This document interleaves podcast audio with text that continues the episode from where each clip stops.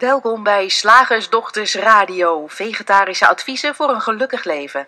Linda Spaanbroek en Angela Mastwijk geven je een kijkje achter de toonbank van de menselijke ervaring. Hoe werkt het daar nu echt?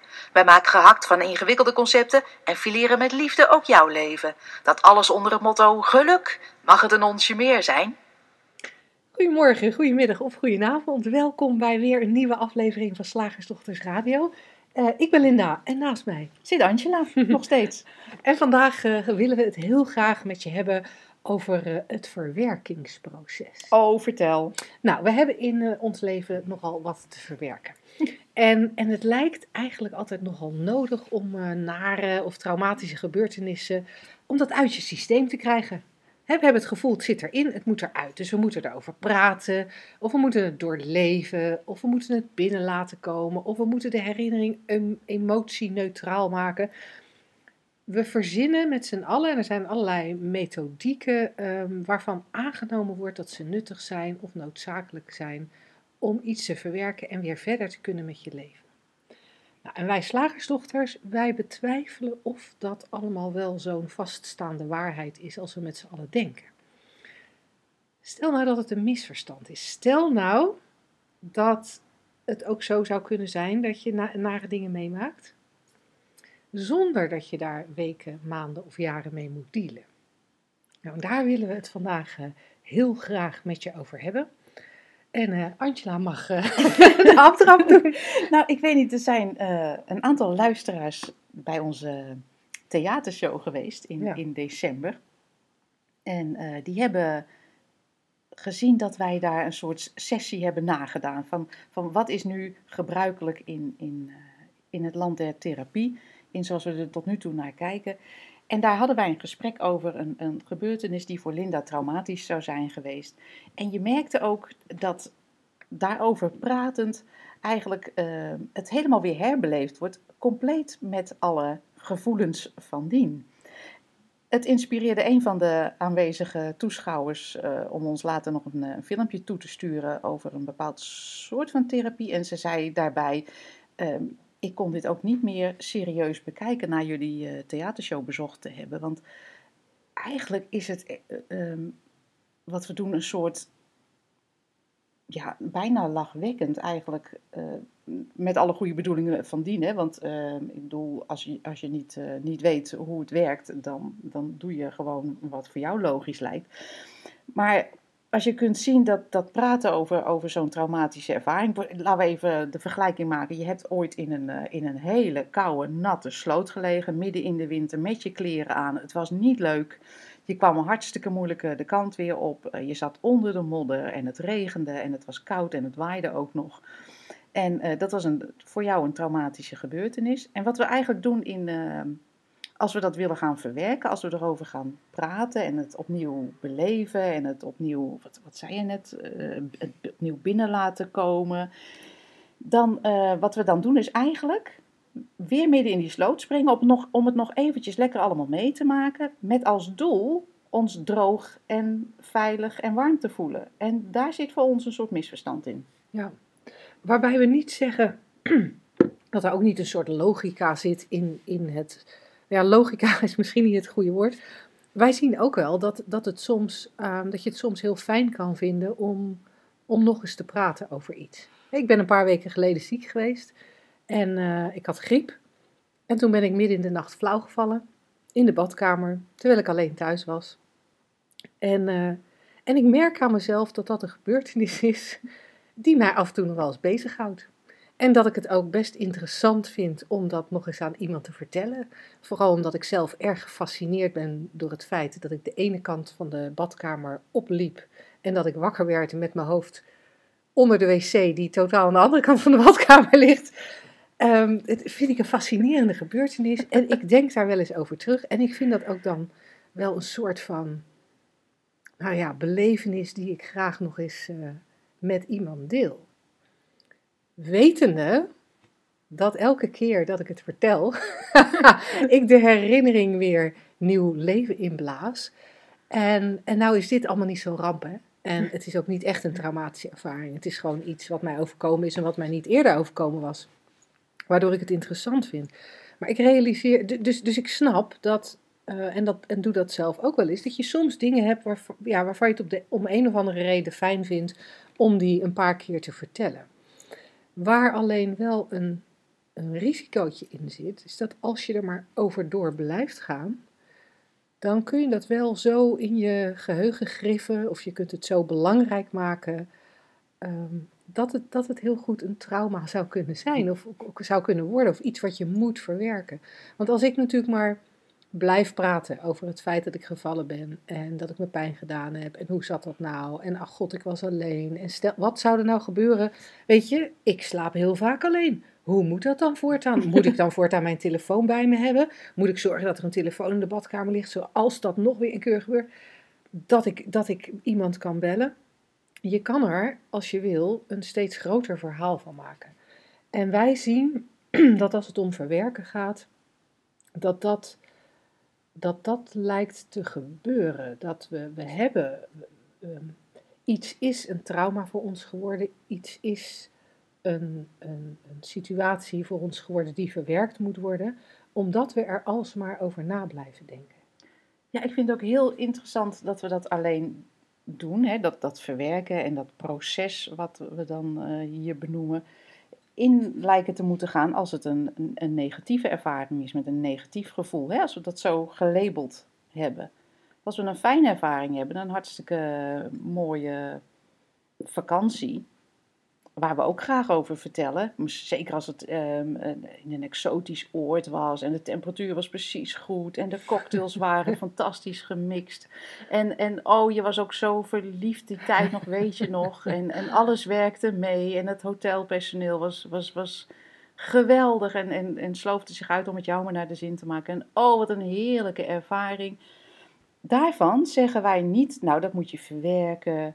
Uh, je moet het, het, het, het, het zit in mij nog, die, die, die ervaring. Hè? Dat ervaren we helemaal niet als, als problematisch. Dat zijn gewoon fijne gevoelens. En ik moet ook denken aan Sidney Banks, die zei: ja, een, een, een prettige ervaring is gezond. Bedoel, je, hoeft niet, je hoeft niet je hele verleden te vergeten, om, omdat je je realiseert van dat het maar gedachten zijn die je met je meedraagt.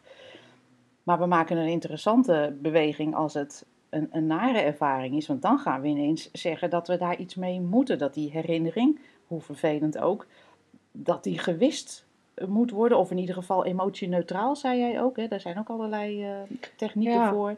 Uh, hoe noem je dat? Rapid eye movement toestanden. Uh, ja, en ik, ik, kijk, zo, zoals ik er tegenaan kijk. Hè, ik heb zelf in het verleden, ben ik gediagnosticeerd met een trauma. En heb ook traumatherapie gehad. Uh, dat had te maken met een serie aan, aan ongelukken in het verkeer. En um, wat, ik, wat ik gemerkt heb, als ik er nu op terugkijk, hè, toen, toen kon ik dat zo nog niet zien, want ik was nog helemaal niet op de hoogte van de werking van de drie principes. Dus ik snapte helemaal nog niet wat er echt gebeurde in mijn hoofd. Maar wat er, wat er gebeurde was dat ik gedachten had aan, uh, aan ongelukken die gebeurd waren. Om het, om het even nog concreter te maken.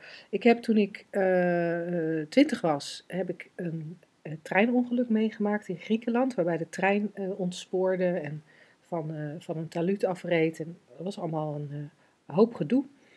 En, en best wel eng om in een trein te zitten die ineens omvalt. En door het, het, het, het zijraampje blijkt ineens het bovenraampje te zijn en dan naar buiten te moeten klimmen. Dus, maar dat was gebeurd en dat was eigenlijk nooit een, nooit een trauma geworden. Het was een leuk verhaal voor op verjaardagen, maar verder niks. Nou, een paar jaar daarna uh, was ik in India, zat ik in een taxi, die reed frontaal in op een vrachtauto. En, en daar heb ik uh, lichamelijke problemen aan overgehouden. Dat was, dat, dat was naar. En met name ook dat beeld van die vrachtauto dat op mij afkwam, dat heb ik toen best wel een tijdje, dat ik dat, dat, dat, dat veel in mijn uh, bewustzijn was. Maar ook dat was op een gegeven moment weer voorbij. Hè? Dan denk je er niet meer zo aan. Ja, het is gebeurd en natuurlijk op een verjaardag komt het misschien wel eens ter sprake. Het was namelijk wel een spannend verhaal, maar meer dan dat niet. Hè? Het was een beetje het niveau van een, een geweldige vakantie. Ik had dan een minder geweldige vakantie gehad, maar het is toch een leuk verhaal. Nog niks aan de hand. Vervolgens, uh, weer een paar jaar later, uh, was ik met mijn uh, gezin op vakantie in Engeland en reed er een Engelsman aan de verkeerde kant van de weg. Hoe ironisch kun je het hebben? Hey. En uh, die ramde onze auto. Onze auto was totaal los. Wij waren gelukkig geen van allen gewond. Dus het ergste wat er aan de hand was, dat we geen auto meer hadden en dat we nou, uh, onze vakantie op een alternatieve manier moesten invullen. En toen gebeurde er iets fascinerends, dat ik na dat auto-ongeluk weer gedachten kreeg aan het treinongeluk. En um, wat, wat toen inmiddels uh, misschien wel tien jaar daarvoor had plaatsgevonden. En ik kreeg weer gedachten over de, uh, het auto-ongeluk in India. En wat ik toen niet wist, was dat dat gedachten waren, dat dat herinneringen waren, waar ik verder niet heel veel aandacht aan hoefde te besteden. Het was er, het was prima dat die gedachten er waren. Maar wat ging ik doen? Ik schrok van die gedachten. Ik schrok dat die, dat die gedachten ineens weer terug waren. En ik vond dat ik daar, dat ik, dat ik daar tegen moest vechten. En ik was ook, een, ik was ook wat labieler. Ik, ik, was een beetje emotioneel en ik huilde een beetje sneller. En, en dat vond ik ook niet oké. Ik vond dat dat weg moest. En, uh, en nou ja, toen, toen zei een psycholoog tegen me dat ik een trauma had en dat dat logisch was, want ik had inmiddels al drie ongelukken gehad. En uh, dus, dus werd het feit dat ik die gedachten niet mocht hebben, werd heel erg bevestigd. Um, dus er kwam nog meer focus op. Elke keer als ik gedachten had aan een van die ongelukken, was ik helemaal hyper alert van, daar heb je er weer één. Dat mag niet. Dat, dat mag niet, dat is niet goed. um, En, en nou ja, toen kwam ik dan bij een traumatherapeut die ook inderdaad bevestigde, ja, ja, ja, jij hebt een trauma. En werd ik daarvoor behandeld. En tijdens die behandeling werd er eigenlijk nog meer nadruk gelegd op, op wat ik had meegemaakt. Moest ik inderdaad de details terug in van wat er gebeurd was.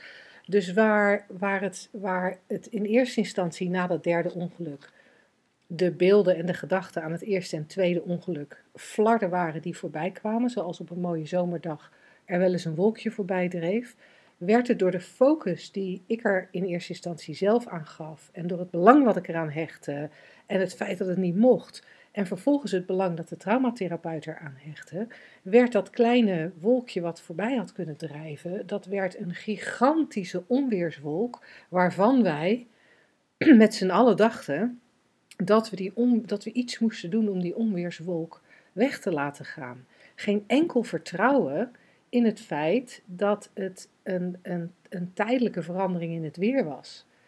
En geen enkel vertrouwen in het feit, misschien zelfs niet eens wetende, dat, dat ik onder die gedachte aan die ongelukken gewoon nog steeds oké was. En dat het niks anders was dan, dan een tijdelijke ja, focus, misschien wel hyperfocus, op die nare herinneringen. En ook niet wetende dat die nare herinneringen mij in feite niks konden doen. Dat die mij niet werkelijk beschadigden. Ik was, daar, ik, ik was gewoon oké. Het enige wat er aan de hand was, was veel gedachten van een type dat ik liever niet had. Ja, en, en dat is het interessante hieraan natuurlijk. Van waarom zijn wij nou zo bang voor gedachten en gevoelens die wij hebben bestempeld als angstig of ehm, traumatisch of ehm, verdrietig of boos soms zelfs. Waarom zijn wij daar nou zo bang voor? voor die, waarom moeten wij daarvoor in therapie? Waarom moeten ze weg? En zoals jij beschrijft, de focus erop maakt het blijkbaar alleen maar groter. Ik moest ook denken aan wat wel eens gezegd wordt: alles wat je aandacht geeft, groeit. dus je, je, blijft maar focussen op die, op die ene wolk die, die toevallig voorbij drijft. Daar blijf je eigenlijk een soort mee meelopen. Zo. en die wolk die drijft naar het. Uh, oh, waar gaat die heen? Naar het westen. Oh, dat, oh hup, dan ga je achteraan. En maar blijven kijken naar die wolk. Terwijl als je gewoon blijft staan, dan drijft die wolk voorbij. Dus je, je loopt constant uh, uh, erachteraan om, om er maar naar te kijken en om er maar. En waarmee, die een soort, waarmee het lijkt alsof die blijft hangen. En je, je hebt niet door dat, dat jij het bent die, die eigenlijk meeloopt met, met die wolk. Maar waarom zijn we daar nou zo, zo bang voor? Hebben wij bedacht in de westerse wereld, of nou ja, waar wij dan in geboren zijn, dat het niet mag en dat het daarom uh, zo'n zo gedoe is om er weer van af te komen? Ja, dat, lijkt, dat, lijkt, dat ziet er wel zo uit, hè? Ja. Alsof we elke, elke vorm van, van oncomfortabel zijn, in dit geval oncomfortabel door, door de gedachten die je hebt, um, alsof we die acuut willen uitbannen. En dan hebben we niet in de gaten dat juist door, door die, dat acute willen uitbannen, dat we het eigenlijk juist in stand houden. En, want er is ook niks om bang voor te zijn. Een gevoel is maar een gevoel. Dat is, dat is wat een gedachte met zich meebrengt. Ja, wat, wat ik wel leuk vind om nog even voor de luisteraars, voor onze nieuwe luisteraars, uh, die nog niet zo vaak naar ons geluisterd hebben, die misschien nog niet zo heel helder hebben wat die drie principes nou zijn waar wij het over hebben. Um, nou, ten eerste kun je een uh, gratis e-book downloaden op onze website. Dat heet uh, Drie Stappen naar Geluk. Daarin leggen we je uit wat die drie principes zijn. Uh, dus daar kun je voor naar www.shiftacademy.nl. Maar even voor nu de korte, de korte versie daarvan.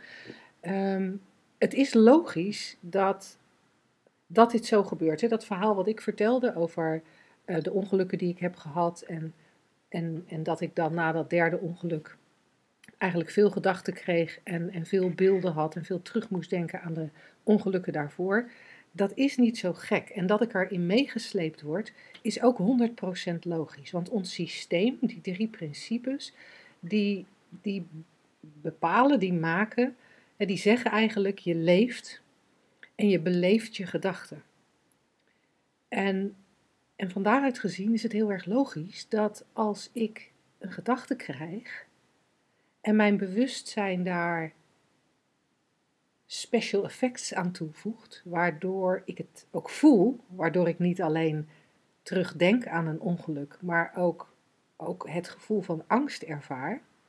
En de sensaties die bij die angst horen, de, de, de, de natte handen of de, de samengeknepen maag of eh, de korte ademhaling. Dat is een, een logisch gevolg hè, gedachten, bewustzijn zorgen ervoor dat, dat ik op die manier een ervaring voor mezelf creëer. Altijd onder alle omstandigheden. Dat doe ik ook als het gaat om goede ervaringen of om goede gedachten. Ja, wat wij dan goed noemen. Hè? De leuke die we willen de hebben. Leuke. Um, elk moment in ons leven ervaren wij via die drie principes. Dat kan nou eenmaal niet anders. Dus dat dat gebeurt is heel logisch. Alleen zeggen wij, dat wetende, is er geen verwerkingsproces nodig om iets naars te ervaren. Nee, is er alleen maar het inzicht nodig dat je je gedachten voelt in het moment. Ja.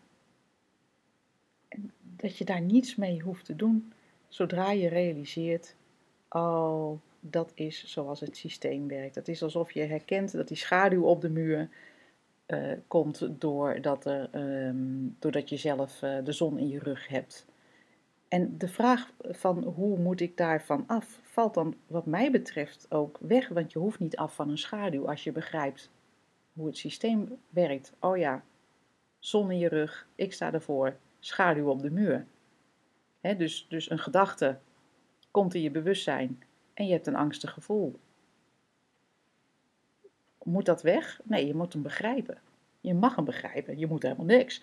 Je mag hem begrijpen en daarmee wordt het makkelijk. Want dan is er geen gevecht meer. En dan is er geen proces meer. Dan is er alleen een gevoel in dit moment en dat is nooit erg. Nee, en dat gevoel komt misschien af en toe terug. Ja. En dat vind je misschien. Je hebt misschien een voorkeur voor een ander gevoel. dat kan. Dat kan. En dat mag. Alleen zodra, als je weet dat wat je nu voelt altijd alleen maar die gedachte in het moment is, dan is het ook een stuk makkelijker om even het volgende moment af te wachten. Ja, en niet mee te hollen met de wolk. Precies.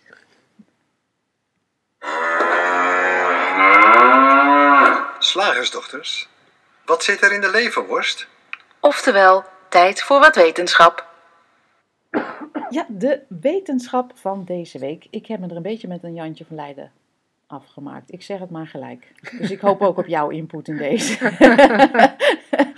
ik, uh, ik, las namelijk een, uh, een artikel uh, van de hand van Vincent Duindam, dokter Vincent Duindam, moet ik zeggen, een psycholoog, hoogleraar psychologie mm -hmm. volgens mij, als ik het goed heb begrepen, uit Utrecht. We houden het lekker dicht bij huis vandaag. En het ging over relaties. En ik vond de, de titel heel, heel grappig. Um, en, en, ook in het kader van het feit dat wij vrijdag een relatie masterclass hebben, die overigens vol zit. Dus, maar later dit jaar doen we er weer een. doen we er weer een. Als je geïnspireerd bent, kun je je daar alvast voor inschrijven. Altijd gezellig. En het gaat over conflicten in relaties. En um, de titel van dit uh, interview is: het, Relatieconflicten zijn nodig tot ze niet meer nodig zijn. Hm. Vond ik grappig. En, en ik vertaalde dat gelijk met, met, de, met de inzichten waar wij het over hebben. Van, eh, ze, zijn, ehm, ze gebeuren totdat ze niet meer gebeuren. Ja. Door Ja. inzicht, Ja. hopelijk. En niet omdat het niet meer mag. Want alles mag. En niet omdat je het niet meer wil. Of omdat je alleen nog maar in, in volledige harmonie samen wil leven. Maar gewoon omdat het niet meer logisch is om, eh, om, om conflicten Mhm. ja, om met die wolk van conflicten mee te lopen in dit geval. En ehm, hij zegt daarin ook van veel van onze ruzies, en hij heeft het dan echt over ruzies in, in liefdesrelaties, dat ze ons eh, niet verder brengen. En dat vond ik opmerkelijk, want heel vaak lees je toch vanuit andere invalshoeken bezien van nee, maar eh, conflicten zijn nodig en, en want je moet je grenzen bepalen en je moet dingen uitvechten en je moet, eh, wat zijn nog meer redenen om eens een goede ruzie te laten knallen? Het is leuk om het weer goed te maken of zo. Beetje voor het contrast. Ja, ja, dat je denkt ja. van, anders wordt het zo saai. Je denkt van af en toe een flinke ruzie er doorheen. Dus dat, dat is wat je, wat je heel vaak leest in de bladen en ehm, eh, adviezen die daarover gegeven worden. En dit zegt dus iets heel anders. Eh, en Vincent Duidam zegt in intieme relaties zijn er regelmatig ruzies die nergens over gaan. En dat vond ik een, dat vond ik een hele leuke. En hij, hij beschrijft het zo dat je met elkaar een pijnstraatje ingaat. En ik vond het een hele leuke vergelijking met jouw Ja. eh, gedachtentrein. Ik, ik zeg, be- beide zat er zo'n beweging in van, oh weet je wat wij gaan doen? Nee, we gaan even heel vervelende dingen bedenken en naar elkaar roepen. Ja, ik- wat ik ook leuk vind, het is het pijnstraatje of het lijdensweggetje. Een lijdensweggetje. Zie je, ze lopen gezellig met z'n tweeën. Kom, weet je wat? Het gaat nergens over, maar we gaan er heel veel gedachten over hebben. En, en, en daar heel veel eh, in uitwisselen. Van nee, maar jij, nee, maar ik. Maar goed. Hij zegt dat parcours, dat ken je al heel goed, want you've been there. Is het niet in deze relatie, dan wel in de vorige? In de vorige echt. ehm, en hij zegt, nou nou ja, dat, dat doe je dan dus. Blijkbaar sla je zo'n lijdensweggetje in en na een tijdje, en dat kan kort of lang duren. En dan, dan, word je het hele, dan ben je er helemaal zat van en dan ga je uitgeput je wonden likken. Totdat je de volgende keer dat straatje weer tegenkomt. En het blijkbaar weer een goed idee vindt om, hé, hey, daar is het lijdensweggetje. Kom, ga je mee? We zijn er al een tijd niet geweest, schat. Ja, ja. Zou, die nog, zou die leuker zijn dan de vorige keer? Of zouden we echt weer eindigen uitgeput? eh? Ja, zou dit keer geen doodlopende straat zijn? Ja, je weet het niet. Een beetje, een beetje grappig. En hij zegt, het gaat, eh, wat je dan doet is eigenlijk een, een rugzakje met oude ellende opentrekken. En ehm, blijkbaar is er iets oud wat uitgepakt wil worden. En ja hoor, je bent in het hier en nu. Maar je speelt een oud scenario van toen en, en daar. En hij zegt, het is heel verleidelijk om mee te bewegen, blijkbaar. Mhm. En eh, de uitdaging is het om dat niet te doen, om niet in zo'n automatische reactie te schieten. Eh, hij zegt het is onbehagen van de ander waar jij op reageert of onbehagen van jezelf. En als je dat voelt opkomen en je kunt erkennen dat het er is, het zien, het te laten zijn en het weer laten gaan. Dat is eigenlijk ons wolkje waar we het net over hadden. Eh, eh, dan is er eigenlijk niks aan de hand. Je mag, je mag aanvaarden dat het er is, maar niet inpluggen en ook niet mee resoneren met je eigen pijn. En, en in dit artikel staat dan nog dat aanvaarden heel moeilijk is. En daar hebben wij dan weer een heel andere gedachte over. Want ja, ik, ik zie dat zo van, van oh, ja, oh ja, er is pijn en dat moet ik aanvaarden en dat is moeilijk. En dan denk ik van nou, dat is helemaal niet moeilijk als je weet wat die pijn is. Eh, hier wordt het nog om, omschreven als echt een soort iets, iets wat, eh, ja, een soort entiteit ook echt is, wat, wat, wat, ehm, wat gewicht heeft of wat van zichzelf een, een vorm heeft. Hè? Eh, het rugzakje wat hier benoemd wordt. En ik denk, ja, het is nooit meer dan, dan een verzameling van gedachten. Jij hebt het eh, in laatst ook omschreven als, als eh, oude meuk van je gedachtenzolder. Ja, in een hoofdstuk in ons boek. Oh ja, dat, dat, dat is waar. Dat is misschien wel leuk om even voor te lezen nou, anders. Ja, is goed. En ik zie dat ook van, ik had ehm, in mijn, het laatste huis wat ik had, had ik een, een zolder, maar daarbovenop ook nog een bergzolder. En dat werkte met zo'n, hoe noem je dat, vliesotrap? Mhm. En dan moest je dan ook met een, eh, met, met een stok moest je dan zo naar boven reiken en die trap zo open trekken. En, en, ik zie dan ook helemaal als dat gebeurt, in een relatie dus blijkbaar. En, dan, en je bent er al een tijdje niet geweest, je hebt het niet zo goed opgeruimd. En dan dondert er van alles naar beneden over je heen. Zo'n beeld heb ik erbij van wat er, dan, uh, wat er dan gebeurt. Maar wat heb jij daarover geschreven? Ja, en dit, dit, dit, de invalshoek in ons boek was, was net, net even anders. Hè? Dat, ging, uh, dat ging niet uh, zozeer over liefdesrelaties. Maar het haakt wel heel erg in op dat rugzakje of die oude meuk op zolder waar jij het net over had. Nou, dit is het, uh, het hoofdstuk uh, De Kenau en de klootzak. En ik lees even voor uit eigen werk. Elke dinsdag en donderdagmiddag rond een uur of drie had mijn vader spontaan zin in een kopje koffie. Dat hij dan, geheel tegen zijn gewoonte in, niet staande achter het hakblok, maar veilig ver weg in de kelder opdronk. Deze impulsieve actie viel altijd toevalligerwijs samen met de binnenkomst van het echtpaar van Stalduinen. Zodra mijn vader in elk tempo de keldertrap afsnelde, was er voor mijn moeder geen mogelijkheid tot vluchten meer en restte haar niets anders dan het echtpaar te woord te staan. Gelukkig was mijn moeder goed getraind in het opzetten van een vriendelijk gezicht en klonk haar: Goedemiddag, mevrouw, meneer, waar kan ik u vandaag mee van dienst zijn? Even vrolijk als betrof het elke andere willekeurige klant. Nou, als die biefstuk minder taai is dan vorige week, dan wil ik wel een half pond. Maar oh wee als je man weer zo'n oude koe aan me probeert te verkopen. Ik zei laatst nog tegen hem, ze knikte naar meneer van Stalduinen naast haar, die slager wordt er niet beter op. Nog effen en hij verkoopt dezelfde rotzooi als hem in de Lange Straat. Meneer van Stalduinen verblikte op verblo of verbloosde op dat soort momenten niet, terwijl mijn moeder, die ik buiten de bezoekjes van dit echtpaar nooit haar geduld zag verliezen met klanten, letterlijk op haar tanden moest bijten vanwege de aanmatigende toon die tegen haar en over haar man werd aangeslagen. Om de sfeer van dit boek niet volledig te verprutsen, stel ik voor het vervolg van deze conversaties op dit punt te skippen. Geloof me als ik zeg dat de sfeer die meneer en mevrouw van Stalduinen met zich meebrachten, zich als een zure walm over de leverworst en speklapjes uitspreidde.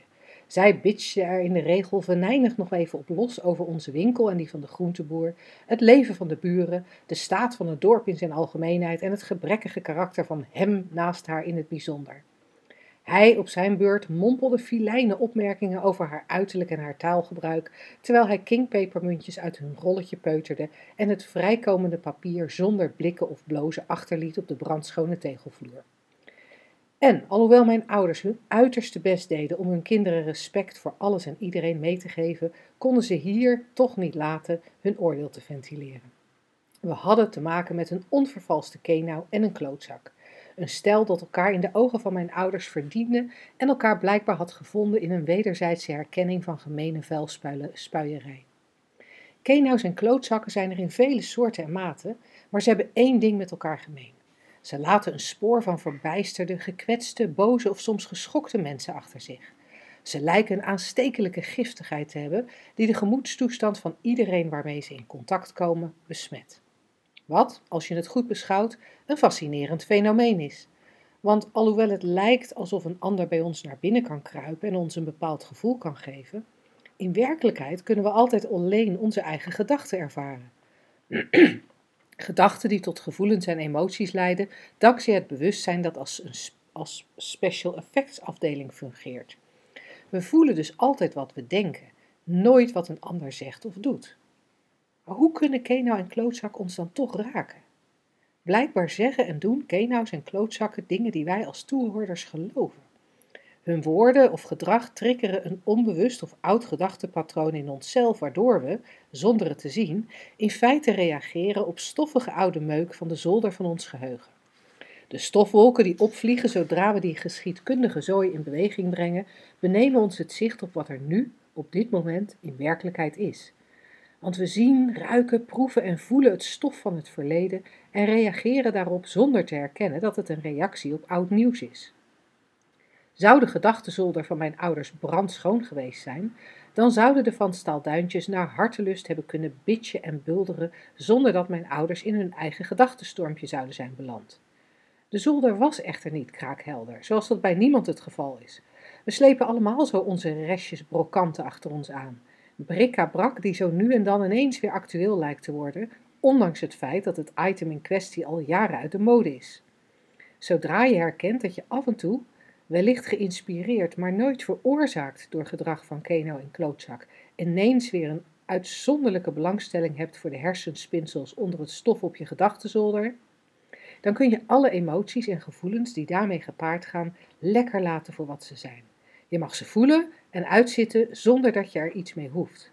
Dat is stukken makkelijker dan je mee te laten voeren op de golven die Keno en Klootzak lijken te veroorzaken. Ja. En, en, en dit is wat binnen relaties ook gebeurt. Hè? Ja. Alleen dan is hij de klootzak of zij is de Keno Op dat moment. op dat moment. Maar wat er gebeurt is inderdaad dat, een, eh, dat, dat er iets getriggerd wordt, gewoon een gedachte opgeroepen wordt. Met, met een gevoel, zodat je je eigen pijn zit te voelen en niet wat de ander doet. Ik vind het een hele mooie, het komt heel mooi met elkaar overeen eigenlijk. En ja, dus ook daar hoeven we eigenlijk weer niet mee aan de slag, hè? Nee, nee, terwijl we ook dat wel heel graag willen. Hè? Want als zo'n gevoel opkomt, zo'n gevoel van boosheid of zo, Een gevoeletje. of zo'n gevoel van ik word niet gezien, of wat het dan ook is. Dan moet hij of zij veranderen, iets anders doen, zodat ik me weer oké kan voelen.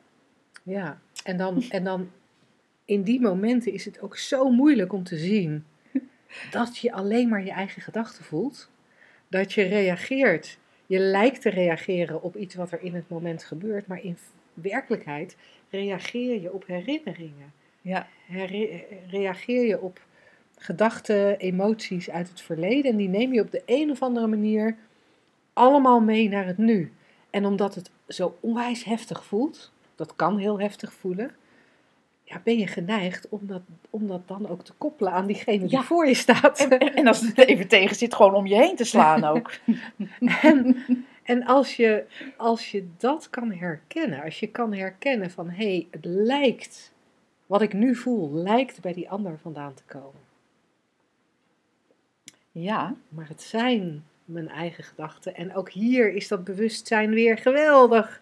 geweldig zo'n rol aan het spelen in het echt maken van die gedachten. In het jou laten voelen van die gedachten. Oh, Die boosheid, die opborrelende boosheid. Dat is wanneer je bewustzijn enorm zijn taak verricht. ja, Om ervoor te zorgen dat jij je gedachten ook lekker voelt. ja. En dan zou ik zeggen, voel ze lekker. En schreeuw voor mij met de hele buurt bij elkaar. Maar denk niet dat het aan je partner ligt. want dan ga je dus echt eh, de mist in en het misverstand eh, in. En dat is zonde, want dat hoeft dus niet. Nee, totaal niet. Nou, meer van weten? Kom dan ook een keer naar een masterclass eh, Meer Liefde in je relatie bij ons. Eh, ergens in het najaar of zo? Is die Ja, weer? September? Volgens mij september. Goed. Zeg, slagersdochters, hoe bak ik die vegaburger? Over naar de luisteraarsvraag. Nou, ik heb een eh, vraag binnengekregen van Ursula. En ik moet hem er alleen eventjes bij pakken. Ursula zegt: Ik heb zoveel gehad aan de masterclass Rust in je hoofd. Het is letterlijk een stuk rustiger geworden.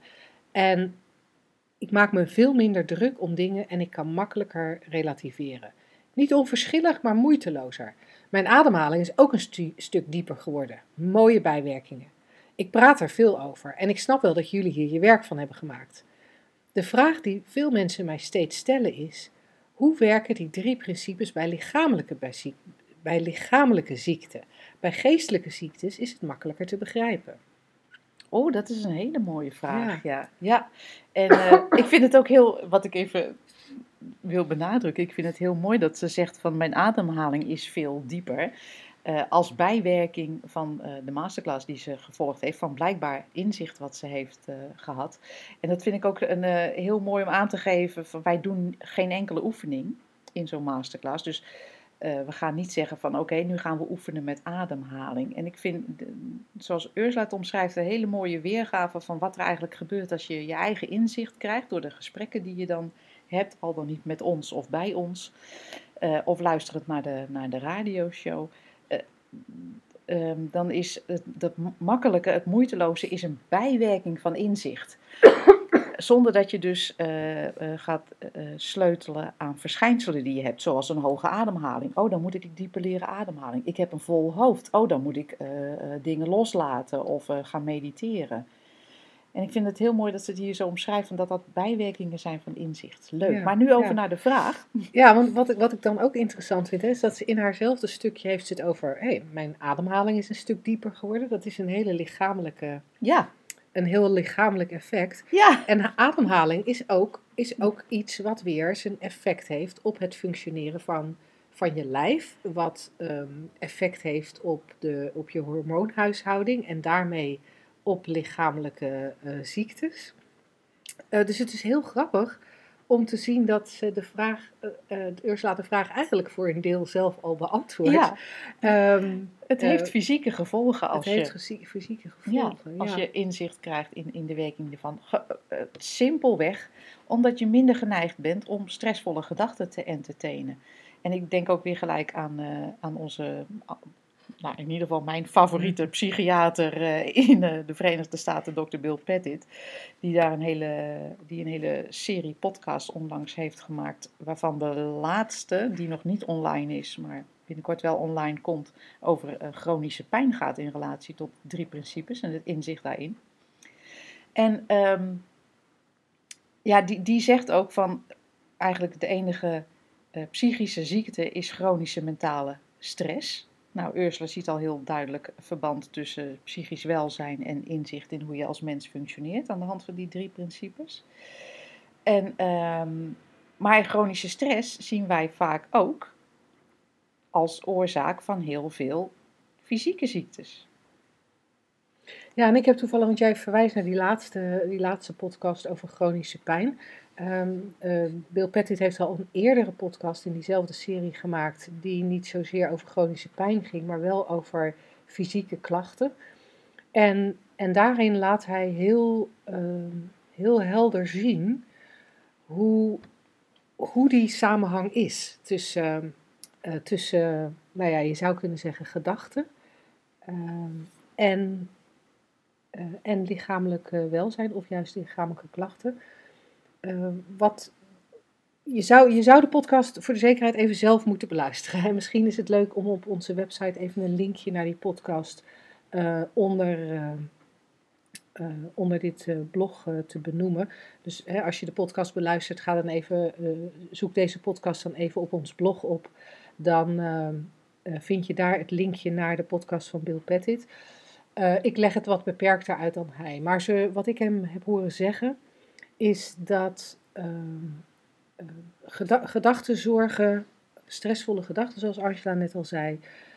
Um, nee, laat ik nog even een stap terug doen. Wat hij aangeeft is dat ons uh, lichamelijke systeem gemaakt is op het kunnen handelen van stress. Ja. Als er een leeuw op je afkomt, dan krijg je een stressrespons en, uh, en die, alles bij elkaar is je lichaam erop gebouwd om ongeveer 30 minuten met die stressrespons te leven. Dus uh, er, komt komt veel adrenaline vrij, dat doet iets met je cortisolniveau in dat uh, moment. En vervolgens die adrenaline en die cortisol hebben weer hun effect op andere hormonen in je lijf. En voor 30 minuten kan je dat heel prima aan. Maar, zegt dokter Pettit, wat er gebeurt is dat wij in onze huidige maatschappij niet 30 minuten stress ervaren, maar vaak uren, zo niet de hele dag. En hij geeft ook aan van ja, soms, soms uh, zitten mensen drie, vier of twaalf uur in, in een, een matige of hoge uh, mate van stress.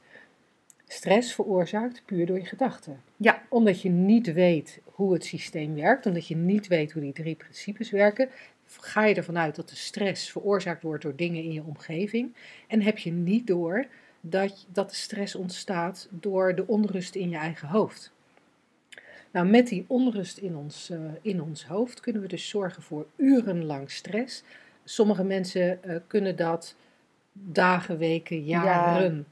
En wat er dan gebeurt is dat je, doordat die stressrespons eigenlijk maar, uh, je maar gebouwd bent op 30 minuten stressrespons, maar je systeem, je lichamelijke systeem, uren, dagen of weken of jaren uh, stress uh, uh, over zich heen gestort krijgt, dat je hele hormoonhuishouding uit balans raakt en dat, dat daardoor andere aspecten in je lichaam verkeerd, zeg maar tussen aanhalingstekens, gaan werken. Dat bloedvaten zich vernauwen, met alle gevolgen van dien. En hij beschrijft in die podcast, geeft hij ook een voorbeeld van iemand bij wie de bloedvaten vernauwden rondom haar longen, waardoor ze astma had en heel erge astmatische klachten had. eh, die naarmate ze ouder werd ook verergerde. En toen haar echtgenoot eh, op eh, hoge leeftijd was overleden, zij was inmiddels in het verhaal van dokter Pettit volgens mij ook 83, ehm, konden artsen niks meer voor haar doen en, en leek ze dood te gaan aan gebrek aan lucht. Dr. Pettit is met haar in gesprek gegaan, of tenminste hij is tegen haar gaan praten, want zij kon op dat moment niks. Eh, met haar toestemming is hij tegen haar gaan praten en heeft haar laten, laten zien hoe, hoe haar gedachten en haar bewustzijn een, een stressniveau voor haar creëerde, waardoor dit, deze lichamelijke klachten konden ontstaan. En nou, je zou de podcast erop na moeten luisteren om eh, de exacte gegevens ook hier weer. Maar binnen een korte tijd, en of dat nou drie kwartier was of drie uur, dat ben ik vergeten, eh, kon deze vrouw weer ademhalen. En Ja, en, als we het even heel simpel maken ook. Ik denk dat we het allemaal wel eens mee hebben gemaakt. Ik heb bijvoorbeeld eh, vroeger vijf jaar last gehad van hoofdpijn. Maar eh, praten met mensen over, over de menselijke ervaring vind ik echt het leukste wat er is. Dus als ik daarmee bezig ben, heb ik gemerkt, ook als ik heel erg hoofdpijn had, maar ik had een afspraak en die liet ik dan toch doorgaan. Want dit is het leukste wat er is, grootste hobby. Tijdens dat uur had ik geen hoofdpijn opmerkelijk om te zien. En ik denk dat heel veel mensen dat wel meemaken. Van je hebt ergens last van, van een schouder of van... We hadden het eh, van de week nog. Wij waren in gesprek met een eh, groep mensen die wij begeleiden. En een daarvan had een echt fysieke klacht. En die zei ook aan het eind van ja, maar tijdens dit gesprek had ik eigenlijk nergens last van. Want dan zit je erin, je focus is er niet. En, en wat jij vertelt over niet ademhalen, daar heb ik ook een heel simpel en mooi praktijkvoorbeeld van. Mijn eigen vader, die eh, eh, ehm, op zijn zeventigste of zo de diagnose COPD kreeg. Nou, het idee is dat het wordt niet beter, dat wordt alleen maar slechter. Je gaat steeds eh, moeizamer ademhalen. Op een, de laatste jaren had hij ook continu zuurstof, had hij ook echt nodig. Maar het interessante was, eh, er, er was een keer een, eh, een was hij eh, op pad gegaan. Hij had een hele leuke, leuke tijd gehad. Hè, met mobiel zuurstof. en hij werd thuis, in, in, in het, waar hij woonde, weer, weer aangesloten op zijn standaard zuurstofmachine. En hij had het zo leuk gehad. En hij ging lekker naar bed. En, en hij sliep de hele nacht heerlijk. En toen bleek de volgende ochtend dat de zuurstofmachine niet aangezet was. Mijn vader heeft het niet benauwd gehad. ja, Ehm, technisch gezien kan dit niet. Want hij Ja. was 24 uur per dag afhankelijk van die, van, die, eh, van die zuurstof. En ik kon bij hem ook heel erg goed zien dat als hij zich druk maakte, als hij, als hij zich een, een stressvol verhaal in zijn hoofd haalde, dan had hij veel meer moeite met ademhalen eh, dan op momenten waarop hij geanimeerd eh, aan het kaarten was of een gesprek had of heel fascinerend om te zien. En ik denk dat we het allemaal wel eens meegemaakt hebben. We kennen ook wel de verhalen van, van, van een ongeluk wat gebeurde waarbij een moeder een been brak, maar toch haar kind uit een brandende auto haalde en op dat moment niet merkte dat haar been gebroken was en pas later dacht, oh gebroken been en vervolgens niet meer kon lopen. Dat soort hele simpele eh, eh, voorbeelden geven al aan, eh, pijn heeft blijkbaar ziekte heeft blijkbaar ook iets te maken met dat denken. Zonder, en waar we wel voor Ja, moeten waken. ja. Jij, ziet hem al. Ja. ik, vind het, eh, ik vind het altijd een beetje tricky als we, eh, als we het hierover hebben. Dat het, eh, ik zie heel duidelijk dat het één systeem is, hè? Ook, ook dat, dat fysieke. En hij is heel tricky, want als je het daarover gaat hebben, dus die verbinding tussen het denken en het fysieke, is het zo verleidelijk om dan jezelf de schuld te geven van, als, eh, van, Ja. van hoofdpijn of van een ziekte. Van nou ja, en nu begrijp ik die drie principes zo goed en nu heb ik toch weer hoofdpijn. Ik dacht dat ik er vanaf was. ja, en ik doe het fout en de hoofdpijn is mijn ja. eigen schuld. Ja, ik heb dus stressvolle gedachten. Nou, waar dan? Hoezo dan? En die geloofde ik toch al heel lang niet meer. En hoe kan het dan nu dat ik toch weer hoofdpijn heb? Is er dan weer nieuwe, weet je? En dan, dan ga je ook weer zo'n zo'n gedachtenspoor op dit wat totaal niet nuttig is. Dus voor mezelf denk ik van, ik zie één op één het systeem, hoe, hoe het werkt. Maar ja, ik heb nog steeds af en toe wel eens hoofdpijn. En dan dan is het wel zaak dat ik mezelf daar niet voor op mijn kop geef. En niet denk als, als ik, als ik uh, verkouden ben van ik doe iets verkeerd. Want, want dan ga je eigenlijk weer denken over je denken. En dan, dat is nooit, nog, nog nooit nuttig gebleken in mijn ervaring. Nee, sowieso hè, die, die drie principes, die, nou dat zijn principes. ja. En die zijn zo krachtig uh, dat, die, dat wij daardoor onze, onze menselijke ervaring hebben puur op basis van die drie principes. En het zou ook heel naïef zijn om te, om, om te denken dat jij of ik of een van onze luisteraars volledig kan ontsnappen aan, aan die menselijke ervaring. Dat wij zo goddelijk zijn dat wij die hele. Die, dat die principes voor ons niet ik meer werken. Ik vind het wel een heel aantrekkelijk idee als je het zo beschrijft. ja, ik denk dat daar. Ik, ik had daar toevallig uh, uh, eerder vandaag uh, met iemand een gesprek over. Ik denk dat daar ook best wel een hoop leed vandaan komt.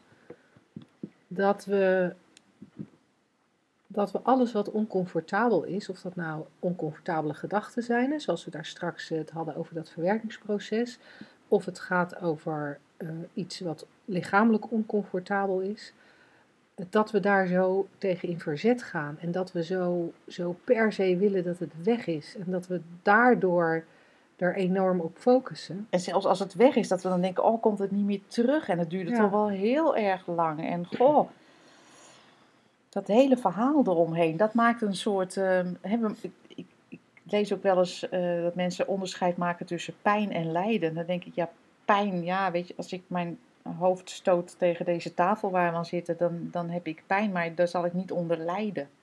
En lijden zie ik echt als, als al die gedachten eromheen. En ook het verzet, eh, verzet tegen het feit dat het er is. Verzet. Stoot ik weer mijn hoofd? Ja. Heb ik weer griep? en en wat, wij, wat wij zien en wat dokter Bill Pettit ook heel expliciet aangeeft in, uh, in die podcast over die lichamelijke klachten, is dat naarmate je inzicht verdiept in de werking van de drie principes, het rustiger wordt in je hoofd geen totale stilte. het wordt rustiger in je hoofd. Uh, waardoor, waardoor de hoeveelheid stress die je, ja, die je oproept in je lijf vermindert. En, ja, en dat heeft hele positieve effecten op hoe je je lichamelijk voelt. Dat was een heel lang antwoord op deze vraag. Ja, ik hoop dat je er wat aan hebt, Ursula. Ik vond het wel een superleuke vraag. Ja, meer van dat soort graag. Ja, precies. Helemaal leuk. Uh, als jij uh, als luisteraar ook een vraag hebt, uh, we ontvangen ze ontzettend graag van je via radio.shiftacademy.nl. En het, het hoeft niet eens per se een hele concrete vraag te zijn. Hè? Het, mag, het, het mag iets zijn uit je eigen leven, iets waar jij mee zit, waar je graag een antwoord op wil hebben. Maar het mag ook zoals uh, de vraag van Ursula net, iets waar zij over mijmert, waarvan ze denkt, goh, hoe zou dat nou zitten? Dat soort vragen uh, vinden we ook uh, hartstikke leuk. Dus nogmaals, radio at shiftacademy.nl Woensdag, gehaktdag. Zeg slagersdochters, welk concept gaat er vandaag door de molen? Het wekelijkse concept wat wij zo goed en zo kwaad als het gaat proberen te vermalen. En het is, oh, een hele leuke dat zit in de familie.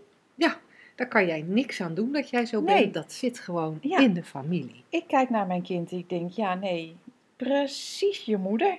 Dat is logisch. Het zit in de familie. En die nare trekjes zijn precies zijn vader. Oh ja, oh nee. Nee, nee ik neem altijd volledig de schuld op mij. Het is echt...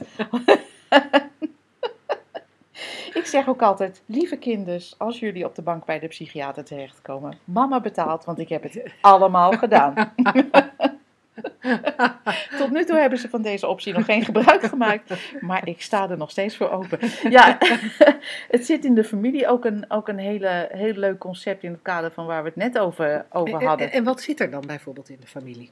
Bij, bij mij? Nou, gewoon zeg maar, waar, als mensen dit roepen, dat zit in de familie, waar hebben ze het dan over? Karaktertrekjes? Ja, bijvoorbeeld uh, perfectionisme of uh, verslaving. Verslaving, streberigheid. Um, hard werken. Hard werken. Zat ja, heel erg in onze hard werken. Ja. ja. dat gen had ik dan niet, maar dat was dan weer heel erg ook. um, ja, wat, wat, wat, zit er nog meer in de familie? Ehm, geen hoge dunk van jezelf hebben. Oh ja, nee, maar zij, zij is natuurlijk net zo onzeker als haar moeder. Ja, egoïsme. Egoïsme ook, ja. ja. Ja, dus er, zit, er, zit, er zitten vrij veel dingen waarvan we dan aangeven dat zit in de familie. En, en, en vaak gaat het om karaktertrekjes of om gedragingen, soms gaat het ook om ziektes. Mhm. Ja, eh, Ja. overgewicht zit eh, in de familie. Alzheimer. Alzheimer zit in de is voor mij familie. een leuke dan. Depressie zit in de familie. Ja. Eh, ook weer die verslaving, hè, dat zou je ook iets lichamelijks kunnen zien. Verslaving zit in de familie. En, ehm, en dan lijkt het heel erg onontkoombaar. Ja, je bent echt slachtoffer als er iets in je familie en zit. Wat jij... veroordeeld. Gewoon, Ja. er valt niet aan te ontkomen. En Het ook is- om het nog generaties lang over te dragen. Dus misschien dat je beter kunt besluiten nu geen kinderen meer te krijgen. Want ja, dit zit in de familie. Het moet echt hier stoppen. ja, Dat perfectionisme. Kan dat gewoon een klein kind niet aandoen. nee. Ja, grappig hoe we daarover over denken. Ja, en het interessante is dat ehm,